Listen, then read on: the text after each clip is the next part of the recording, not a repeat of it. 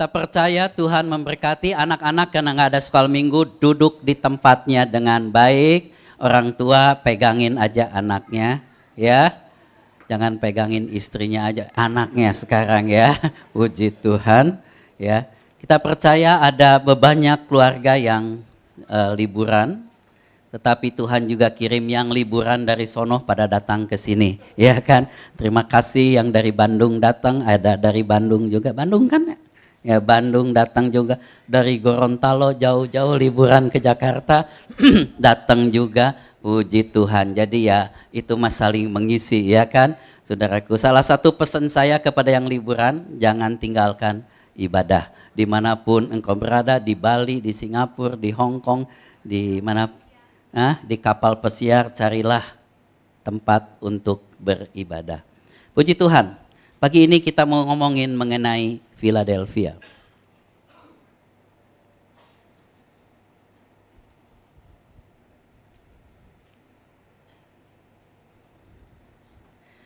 Daraku kata ini kata yang paling sering diteriakan di sini, biarpun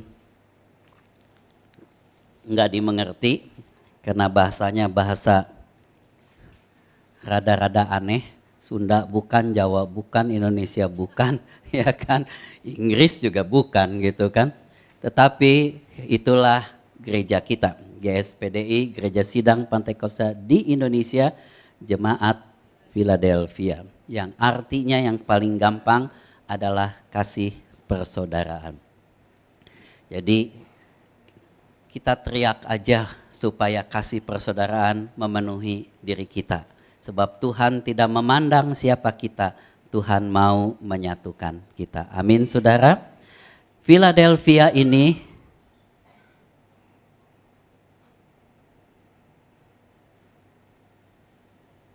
Kau nggak jalan?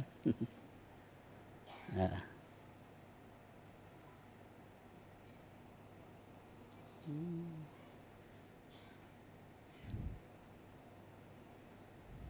Jalan? Ya. Mari kita buka Mazmur 133. Kita berdiri, kita akan baca Mazmur 133.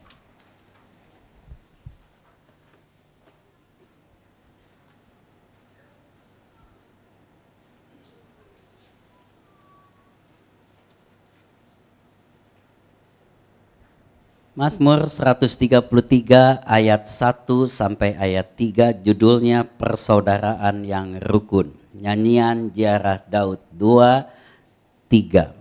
Sungguh alangkah baiknya dan indahnya apabila saudara-saudara diam bersama dengan rukun, seperti minyak yang baik di atas kepala meleleh ke janggut, yang meleleh ke janggut Harun dan ke leher jubahnya seperti embun gunung Hermon yang turun ke atas gunung-gunung Sion sebab ke sanalah Tuhan memerintahkan berkat kehidupan untuk selama-lamanya. Kita yang percaya katakan, Saudaraku, pemazmur menuliskan satu situasi yang sangat indah dia bilang alangkah baiknya dan alangkah indahnya apabila saudara-saudara diam terjemahan lama duduk bersama-sama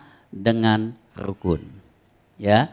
Seperti minyak yang baik di atas kepala meleleh ke janggut, yang meleleh ke janggut Harun dan ke leher jubahnya, seperti embun gunung Hermon yang turun ke atas gunung-gunung Sion. Sebab ke sanalah Tuhan memerintahkan berkat kehidupan untuk selama-lamanya.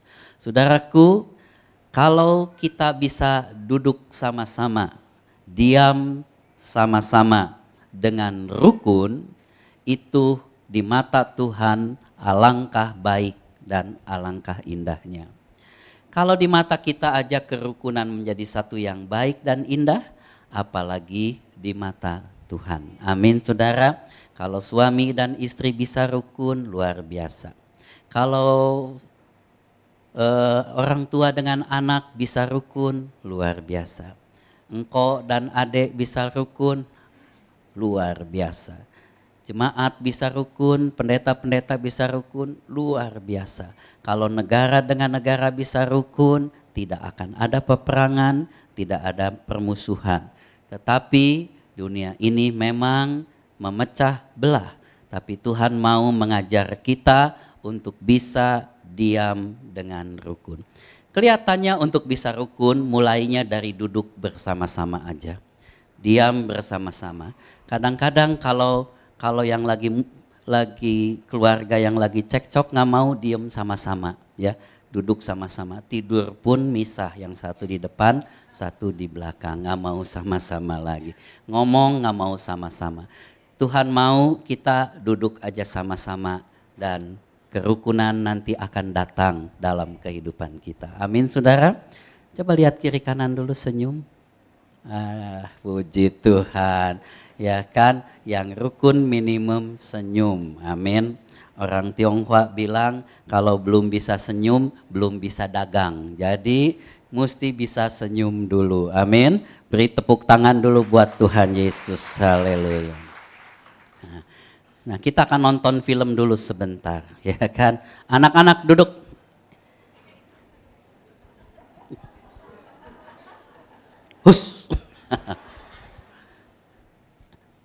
Amin. Kita adalah satu, ya, wiawan. Ya. Apa pun kadang-kadang segala rencana tidak sesuai dengan kenyataannya, tapi percayalah kita satu keluarga. Kita keluarganya Allah. Kita adalah satu. Amin. Beri kemuliaan buat Tuhan Yesus. Haleluya. Doa Tuhan Yesus dalam Yohanes 17 ayat 21 Bahkan lima kali dia berdoa dengan kata-kata yang kurang lebih sama. Mari kita baca di depan kata-katanya. Dua, tiga.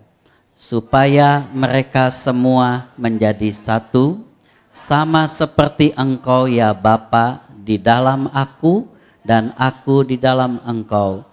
Agar mereka juga di dalam kita. Supaya dunia percaya bahwa engkaulah yang mengutus aku supaya mereka semua menjadi satu. Doa Tuhan Yesus ini menjadi doa yang uh, membawa visi kapan Yesus akan kembali. Pada waktu pemulihan semuanya menjadi satu. Di mana keluarga-keluarga mulai menjadi satu, gereja Tuhan menjadi satu, tubuh Kristus menjadi satu. Yesus akan datang dan Tuhan memberikan contohnya dia dengan Bapa bahwa Tuhan dengan Bapa adalah satu.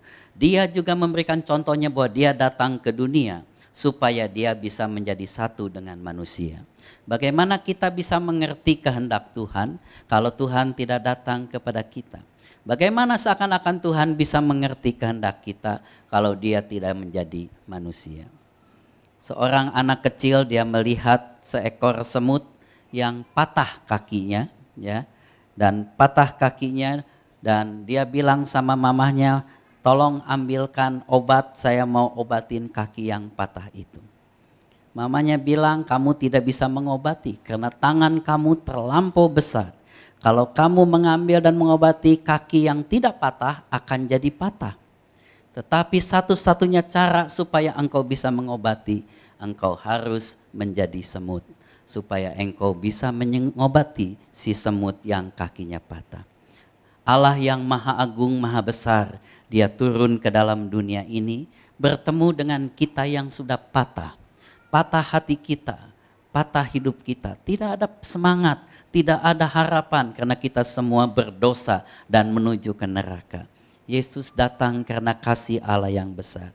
Menjadi manusia supaya dia mengerti akan kesusahanmu. Dia mengerti air mata kita. Dia mengerti penderitaan kita biarkan dia untuk datang supaya kita menjadi satu dengan Tuhan dan kita juga disatukan sebagai satu keluarga. Amin saudara, puji Tuhan. Ya. Berhenti lagi pen. Di dalam bahasa aslinya saudaraku, menjadi satu itu bukan bukan bukan seperti apa ya seperti dijadiin satu, tapi dalam arti yang lebih luas menjadi satu itu adalah terus menerus bersama bersatu mengiring Tuhan Yesus ya. Jadi menjadi satu itu kita terus sama-sama berjalan sama-sama menghadapi gelombang sama-sama, menghadapi senang sama-sama, susah sama-sama, masalah sama-sama dalam mengiring Tuhan Yesus. Amin. Ya, Alkitab menggambarkan Paulus pernah berjalan dengan satu rombongan besar, tetapi satu demi satu mereka meninggalkan Paulus. Demas meninggalkan, ya kan Markus meninggalkan, biarpun Markus kemudian balik lagi, itu menggambarkan satu perjalanan, ada waktu senang, ada waktu susah, ada waktu menghadapi maha, bara bahaya, ada waktu menghadapi makan sama-sama, ada waktu menghadapi puasa sama-sama, tetapi Tuhan mau kita semua menjadi satu. Artinya kita mau berjalan bersama-sama menuju kepada kesempurnaan. Amin. Sebab keselamatan itu dilihat dari dua sisi. Pertama, kita sendiri masing-masing harus mengejar keselamatan itu, tetapi kita tidak akan mampu sendirian keselamatan itu dipekit untuk bisa bersama-sama. Makanya disebut tubuh Kristus. Keselamatan adalah sendiri-sendiri sesungguhnya.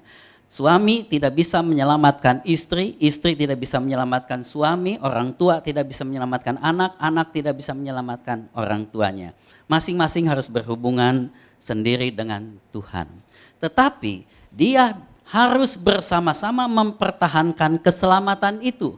Sebab kalau sendiri dia gampang sekali ditelan lagi oleh iblis. Jadi kita harus berjalan mengiring Yesus bersama-sama sampai Tuhan Yesus datang kembali. Nah, kita akan belajar juga pagi ini bagaimana angsa itu membangun persatuannya.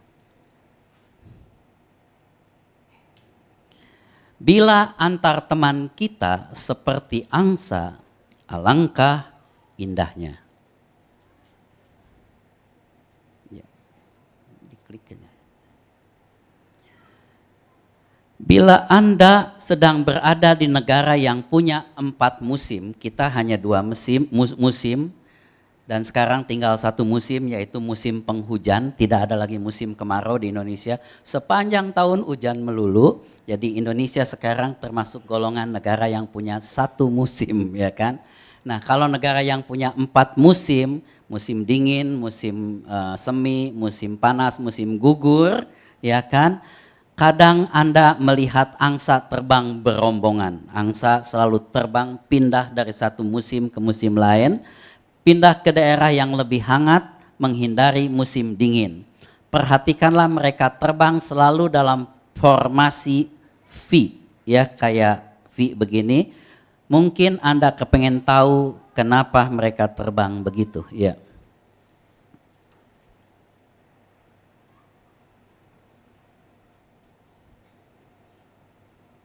Ya bisa jalan? Ya. Dengan terbang dalam formasi V, efisiensi seluruh grup akan naik sebesar 71% dibandingkan dengan terbang sendirian. Jadi kalau terbang sama-sama begini, ini tenaga dan efisiensi dari grup itu naiknya 71% daripada terbang sendirian. Ya dibantu klik aja. Nah pelajaran pertama yang kita bisa dapat dari angsa bahwa bekerja sama secara tim, bergerak ke arah tujuan yang sama, membuat kita mencapai tujuan lebih cepat dan lebih ringan pekerjaannya. Jadi kalau kita bekerja bersama-sama, jalan bersama-sama, ikut Tuhan, itu membuat kita lebih cepat mencapai tujuan dan lebih ringan. Amin. Oke, yang kedua, Bagaimana kalau ketika salah satu angsa mulai meninggalkan formasinya? Apa yang terjadi kalau ada angsa yang keluar dari kelompoknya? Apa yang terjadi? Dia akan mengalami daya tahan udara yang besar sebab akan ada daya tahan udara. Bayangkan mereka terbang berkilo-kilo dan kesulitan untuk terbang sendiri. Akhirnya dia dengan cepat kembali lagi ke formasi untuk berbagi efek terbang dalam formasi. Jadi kalau ada yang keluar, dia nggak akan tahan lama karena tekanan udara yang sangat besar sehingga dia harus balik lagi ke formasi. Ya kan? untuk bisa uh, terbang dengan lebih ringan. Oke, okay? terus. Pelajaran yang kedua, belajarlah selalu kompak di dalam tim yang bergerak ke satu tujuan akan membutuhkan lebih sedikit energi. Kalau kita gerak sama-sama itu akan sedikit kita memerlukan energi, akan lebih mudah dan lebih menyenangkan untuk mencapai tujuan setiap anggota akan merasa kewajiban untuk menolong sesamanya. Oke. Ketika tim leader yang kelelahan apa yang terjadi? Gimana kalau kepalanya yang capek apa yang terjadi? Dia akan berpindah ke formasi belakang sementara itu angsa lain akan mengambil tempatnya. Jadi yang kelelahan dia akan pindah ke belakang karena di belakang tinggal ngikutin yang paling depan ini yang paling berat, tetapi yang lain akan menggantikan. Pelajaran yang ketiga, berbagi kepemimpinan harus didasari dengan saling hormat dan percaya di antara anggota setiap saat. Saling berbagi tugas dan masalah yang paling berat, pusatkan kemampuan dan bakat tim untuk memecahkan masalah. Jadi kita saling mengisi di dalam kebersamaan itu. Pelajaran yang seterusnya. Angsa terbang dalam formasi V kayak begini sambil berkotek. Hal ini akan memberi semangat terbang kepada tim leadernya. Juga dengan cara demikian mereka akan terbang dengan kesempatan yang sama, kecepatan yang sama. Kalau kita lihat burung atau angsa terbang semuanya bunyi ya kan dan bunyinya itu teriakannya itu menyebabkan lajunya jadi sama dan juga memberikan dorongan semangat satu sama lain khususnya kepada yang paling depan. Oke. Pelajaran yang keempat baca sama-sama dua tiga.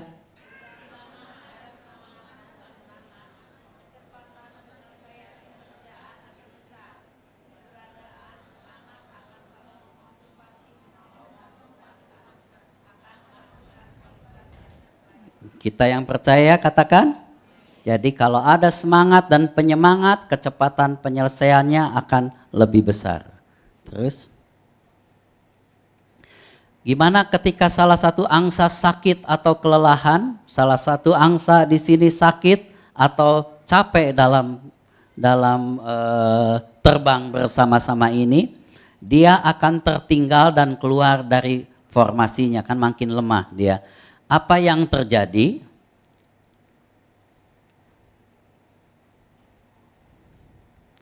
Beberapa angsa akan keluar juga dari formasi dan membentuk formasi baru yang lebih pelahan untuk menolong dan mengawal dia sampai dia sehat kembali masuk ke formasi atau terus dengan formasi tersebut atau jatuh dan meninggal.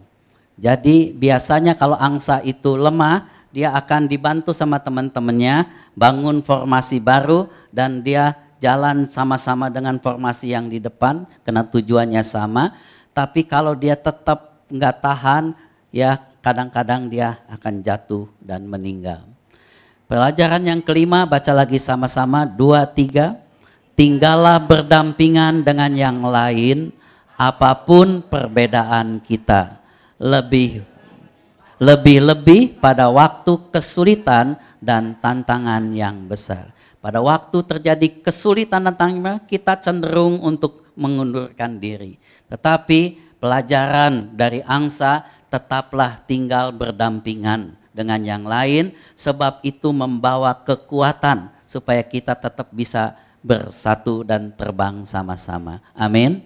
Puji Tuhan. Terus jika kita kompak dan saling mendukung, jika kita menjiwai kerjasama yang baik, melupakan perbedaan masing-masing, maka kita akan selalu dapat mengatasi tantangan. Jika kita selami arti dari persahabatan dan kita selalu bersedia untuk berbagi, hidup akan lebih berarti dan kita akan melewati waktu mendatang dengan kebahagiaan. Oke. Okay? My friends, let's be like the biarlah kita seperti angsa. Jadi ada satu pelajaran yang sesungguhnya alam berikan. Tuhan sering kali memberi pelajaran dengan alam. Ya, dia katakan lihat pohon ara, lihat padi yang sedang menguning atau gandum yang sedang menguning. Dia kasih contoh dengan apa yang ada di alam. Dan Tuhan juga memberikan contoh pada kita supaya kebersamaan persatuan itu juga seperti angsa. Bahasa angsa untuk persatuan. Saudaraku, persatuan adalah bicara menerima dan menghargai. Persatuan dimulai dengan saling menerima dan menghargai. Menerima dan menghargai itu artinya kita bisa menerima segala keberadaannya, terutama dalam hal kekurangannya. Dan menghargai, kita akan selalu menghargai segala kelebihannya. Jadi kalau dalam dalam persahabatan atau dalam persatuan, ya, yang disebut menerima itu bukan menerima kelebihannya, bukan menerima kebaikannya, tapi menerima kekurangannya. Jadi kalau kita bisa menerima kekurangan orang lain, kita sudah menjadi satu. Kita harus bisa menerima kekurangannya dan menghargai kelebihannya. Di dunia, persatuan selalu dimulai dengan menerima dan menghargai kebaikannya, ya. Keuntungan buat kita. Tetapi sesungguhnya arti persatuan yang sebenarnya kita mau menerima kekurangan orang lain dan menghargai kelebihannya. Amin saudara. Sebab hidup ini penuh dengan kekurangan dan kelebihan. Ya, kalau seorang suami atau istri bisa menerima kekurangan suami dan istrinya dan menghargai kelebihannya, maka terjadilah persatuan dalam keluarga itu. Kalau di gereja saudara bisa menerima kekurangan saya, dan menghargai kelebihan saya, akan terjadi persatuan. Kalau saudara bisa menerima kekurangannya dan juga menghargai kelebihannya, kita menjadi satu. Seringkali di dunia ini tidak begitu. Kalau ada yang lebih kita bilang, ah pantesan dia mah karena begini, karena begitu. Kalau ada yang kurang kita tidak mau bersama-sama karena dia banyak kekurangannya. Tetapi pada pagi ini di dalam ibadah di lebaran ini, biarlah kita saling menerima segala kekurangan kita dan menghargai kelebihan kita untuk hormat kemuliaan nama Tuhan. Amin saudara. Beri tepuk tangan dulu buat Tuhan Yesus. Di dalam Mazmur 133 ada sesuatu yang indah kalau saudara perhatikan. Dikatakan nyanyian Jiara Daud sungguh alangkah baik dan indahnya apabila saudara-saudara diam bersama dengan rukun.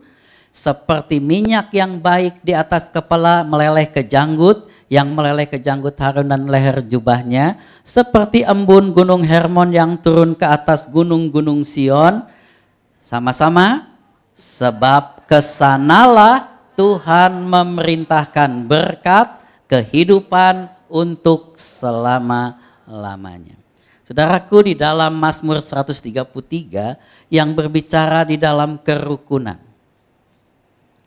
Orang yang rukun Tuhan perintahkan berkat. Ini yang luar biasa. Kepada sesuatu yang bersatu ada berkat yang Tuhan kirimkan dan berkat itu adalah kehidupan untuk selama-lamanya. Berkat yang membawa kepada kehidupan yang kekal. Kita lagi bicara mengenai kehidupan yang kekal beberapa minggu terakhir ini. Jadi salah satunya supaya engkau bisa masuk di dalam sembilan kondisi kehidupan yang kekal harus belajar bersatu, belajar rukun. Sebab ke situ Tuhan nanti akan kirim kekuatannya, berkatnya untuk kehidupan yang kekal berkat di dunia ini sampai kita masuk surga. Ingat saudara kehidupan yang kekal itu mulai dari saat ini ya. Bukan nanti kita udah mati hidup yang kekal, tapi dari saat kita terima Yesus, kita sudah menerima kehidupan yang kekal. Amin saudara. Puji Tuhan. Nah saudaraku bagaimana sih sesungguhnya Tuhan mengirimkan berkatnya? Bagaimana caranya Tuhan mengirimkan berkatnya?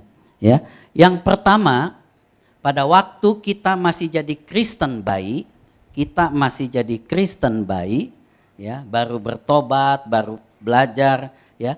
Tuhan mengirimkan berkatnya itu dia selalu siapkan sesuai dengan kebutuhan kita. Dia nggak pernah uh, nunggu, dia tahu kebutuhan kita. Sama seperti saudara punya bayi, dia nggak usah minta, nggak usah apa, kita tahu kebutuhan dia.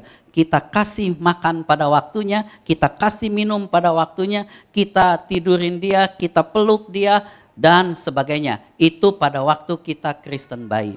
Itu masa paling indah sesungguhnya ya. Sebab Allah begitu dekat dengan kita.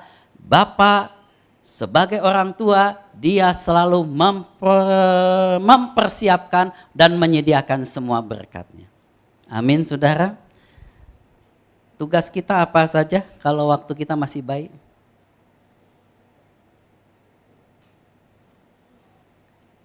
Tugas kita apa aja kalau waktu kita masih baik?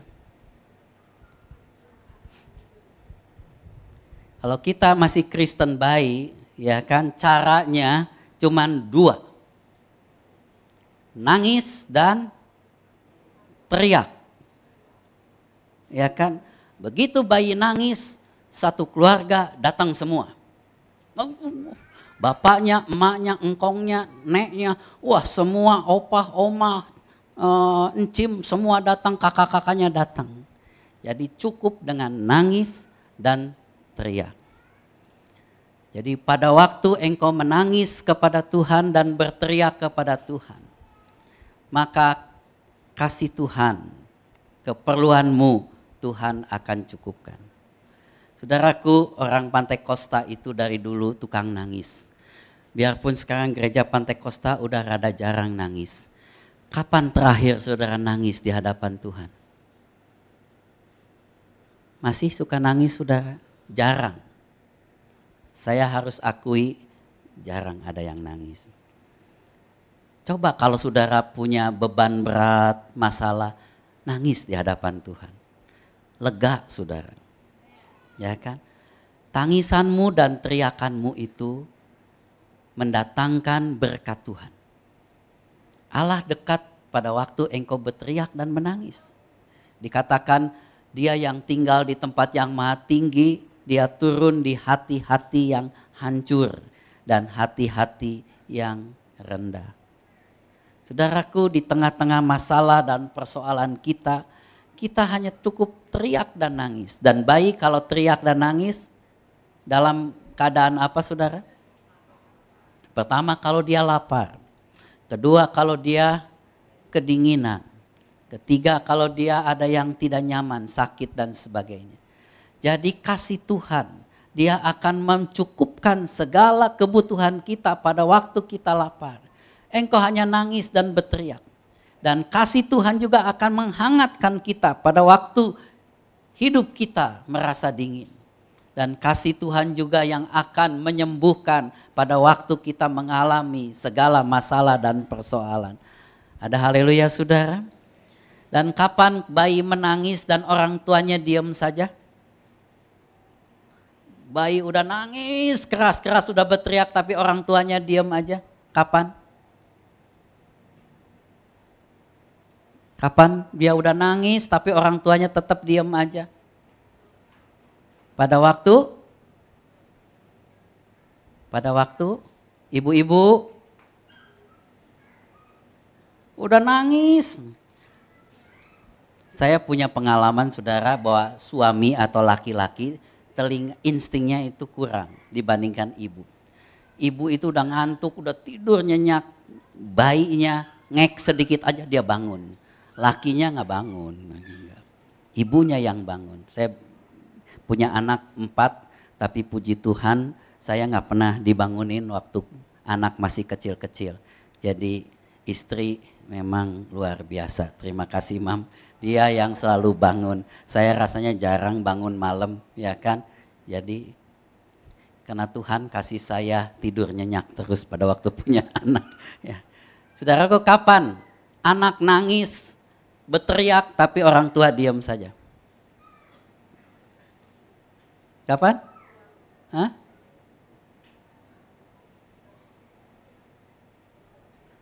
pada waktu bayi, pada waktu anak bayi udah nangis, udah berteriak, tapi orang tuanya diam saja. Kapan? Hmm? Siapa yang punya punya bayi? Yang masih punya bayi kecil? Siapa yang masih punya bayi kecil? Kapan? Pada waktu disuntik. Pada waktu diimunisasi Apalagi pada waktu dia masuk ke rumah sakit di selang saya lihat anaknya Iim ya pernah. Si siapa? Ariel kecil-kecil udah diselangin di infus, aduh ya kan?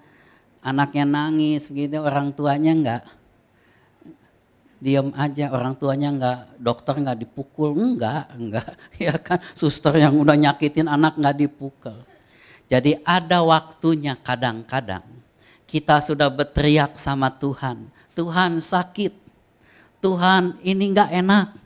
Tuhan ini ini berat buat saya. Tapi kenapa Tuhan diam saja? Karena kita tidak mengerti, tapi Tuhan mengerti. Bahwa suntikan itu, keadaan itu baik buat kita ke depan. Ya kan? Keadaan itu bisa menyembuhkan kita. Kalau saat ini ada di antara saudara yang merasa kok Tuhan tinggalkan saya, kok Tuhan tidak pedulikan saya. Mungkin saudara sedang ada di rumah sakit, mungkin saudara sedang disuntik, mungkin saudara sedang diobati. Tetaplah setia. Kita tahu bahwa kasih Bapa tidak pernah meninggalkan kita. Kita masih berdosa saja dia mati buat kita, apalagi sekarang saudara sudah percaya sama dia. Tuhan sedang membentuk kita supaya kita jadi sehat, kuat, dan boleh bertumbuh tidak jadi bayi saja tetapi menjadi anak dan dewasa. Amin. Beri kemuliaan buat Tuhan Yesus. Jadi, yang pertama Tuhan memberkati kita tanpa kita minta pada waktu kita masih anak-anak. Alkitab mengatakan sebelum kamu minta Tuhan sudah tahu keperluan kita. Tetapi pada waktu kita baik kita nggak bisa dikasih macam-macam sebab keperluannya cuma buat makan, kehangatan saja, ya, makan, kehangatan dan kenyamanan. Hanya itu saja cukup yang Tuhan berikan kepada kita. Tetapi Tuhan mau kita bertumbuh. Kita tidak hanya bayi, kita harus bertumbuh menjadi anak-anak, terus bertumbuh. Saya tidak mau anak saya tetap jadi bayi, tapi kita mau dia bertumbuh menjadi lebih dewasa. Nah, waktu jadi anak-anak, idem artinya kita masih boleh berteriak sampai nangis kepada Tuhan, tapi plus mesti minta. Ya, pada waktu anak saya udah mulai jadi anak, ya, anak-anak, anak-anak, ya, umur lima tahun, enam tahun, tujuh tahun, dia mesti minta, ya, dia mesti minta. Bahkan diajarkan minta sama orang tuanya. Sama mamanya bilang minta sama dedi, ya. Minta sama Dedi nangis. Minta sama Dedi ya kan? Salah satu eh, senjata anak-anak minta adalah nangis. Tapi nanti makin gede masih tetap nangis. Pika sebelun kata orang Sunda ya kan? Kalau Eldad udah segede gini mintanya sambil nangis pika sebelun. Tapi waktu 2-3 tahun kita masih ladenin. Tapi dia mesti belajar minta sama orang tua. Alkitab katakan mintalah maka kamu akan diberi. Carilah maka kau akan mendapat. Ketuklah pintu maka pintu akan dibukakan. Jadi pada waktu nanti rohani kita sudah anak-anak, kita bukan hanya nangis dan berteriak sama Bapa, tapi kita belajar minta. Belajar minta keperluanmu, belajar minta apa yang menjadi keperluanmu dan Tuhan akan melihat cara kita minta ya. Belajar minta yang betul kepada Bapa. Saudara kalau anak kecil diajarkan minta pakai tangan kiri. Mamanya akan bilang, salah ke tangan kanan. Jadi minta aja diajarkan, minta. Ya, udah gitu uh, mesti bilang terima kasih. Ya, terima kasih. Itu kan diajar. Kita diajar begitu. Nah kita sama Tuhan juga sama. Kita diajar untuk belajar minta kepada Tuhan dengan benar. Jadi pada waktu iman kita, kehidupan rohani kita udah mulai jadi anak-anak, kita bukan hanya nangis dan berteriak, tapi belajar minta. Amin. Puji Tuhan, berkatnya turun dari situ. Bagaimana kalau tambah gede? Waktu gede, udah besar, udah tidak ngomongin lagi nangis dan teriak, tapi bicara minta dan bekerja. Saya sekolahin anak Esra sampai selesai di Belanda. Tapi kalau dia udah Belanda, dia nggak mau kerja, dia minta aja, deh minta buatnya, ya kan? Saya bilang kerja kamu, kerja. Jadi kalau udah kita makin besar, dia mesti kerja. Yang tidak kerja tidak dapat upah kata firman Tuhan. Oleh sebab itu, saudaraku, sering kali kita bilang, kok Tuhan beda ya. Dulu lima tahun, sepuluh tahun yang lalu rasanya Tuhan kalau kita minta apa-apa dikabulkan. Sekarang kok rasanya susah dapat berkat dari Tuhan. Sebab engkau sudah mulai gede, jadi dewasa. Kita dapat berkatnya dari kerja. Makanya saudara harus bekerja. Bukan hanya bekerja di dunia ini, tetapi bekerja di ladang Tuhan mesti ambil bagian dalam pekerjaan sebab itu ada upahnya. Tetapi Tuhan juga mengajarkan untuk meminta. Oleh sebab itu ada doa Bapa kami yang diucapkan tiap hari. Berikanlah kami rejeki kami hari ini. Berikanlah kami makanan kami. Kita minta tapi kita harus bekerja. Ya, kalau kita sudah dewasa kita harus bekerja. Amin Saudara. Dan saya percaya jemaat di tempat ini sebagian besar sudah jadi jemaat dewasa. Engkau harus ambil bagian dalam pekerjaan supaya berkat Tuhan mengalir. Kita nggak bisa lagi seperti bayi yang cukup Tuhan tahu tidak. Kita tidak lagi seperti anak-anak yang minta sambil teriak Tuhan kasih. Tidak. Saudara harus bekerja dan pekerjaanmu diberikan berkat. Amin. Beri kemuliaan buat Bapak di sorga. Tetapi ada yang khusus dari semua berkat Tuhan itu. Yang khusus ini ya saudara nggak kerja, saudara nggak teriak, saudara nggak minta. Tapi Tuhan suruh, Tuhan kirim berkat pada waktu dia melihat ada kerukunan. Amin saudara. Kalau lihat Tuhan lihat ada keluarga yang rukun, nggak minta apa-apa, Tuhan kirim berkat. Kita bapak-bapak juga begitu. Kalau lihat anak-anak rukun, saya suka bilang sama istri saya, lihat anak-anak kalau datang dari Jepang berempat rukun kumpul, ya kan? Waduh, pada ngobrol, pada be bercanda, yang paling gede, yang sampai yang paling kecil, ya bercanda. Kita bilang, ayo mah ajakin mereka makan tepanyaki, makanan mahal, ya kan? Nggak, nggak minta mereka langsung, eh anak-anak yuk ikut kita makan. Nah, nggak minta. Berkat itu disuruh saudara datang pada waktu ada kerukunan. Amin saudara. Puji Tuhan. Saudaraku, Bapak di sorga itu sesungguhnya digambarkan juga dengan orang tua di dunia ini. Dia jauh lebih baik dari kita. Dia yang berkata kalau kamu saja yang jahat bisa mengasihi anak. Kamu yang jahat aja kalau anak minta roti tidak akan dikasih batu. Apalagi Bapamu yang di sorga. Amin saudara.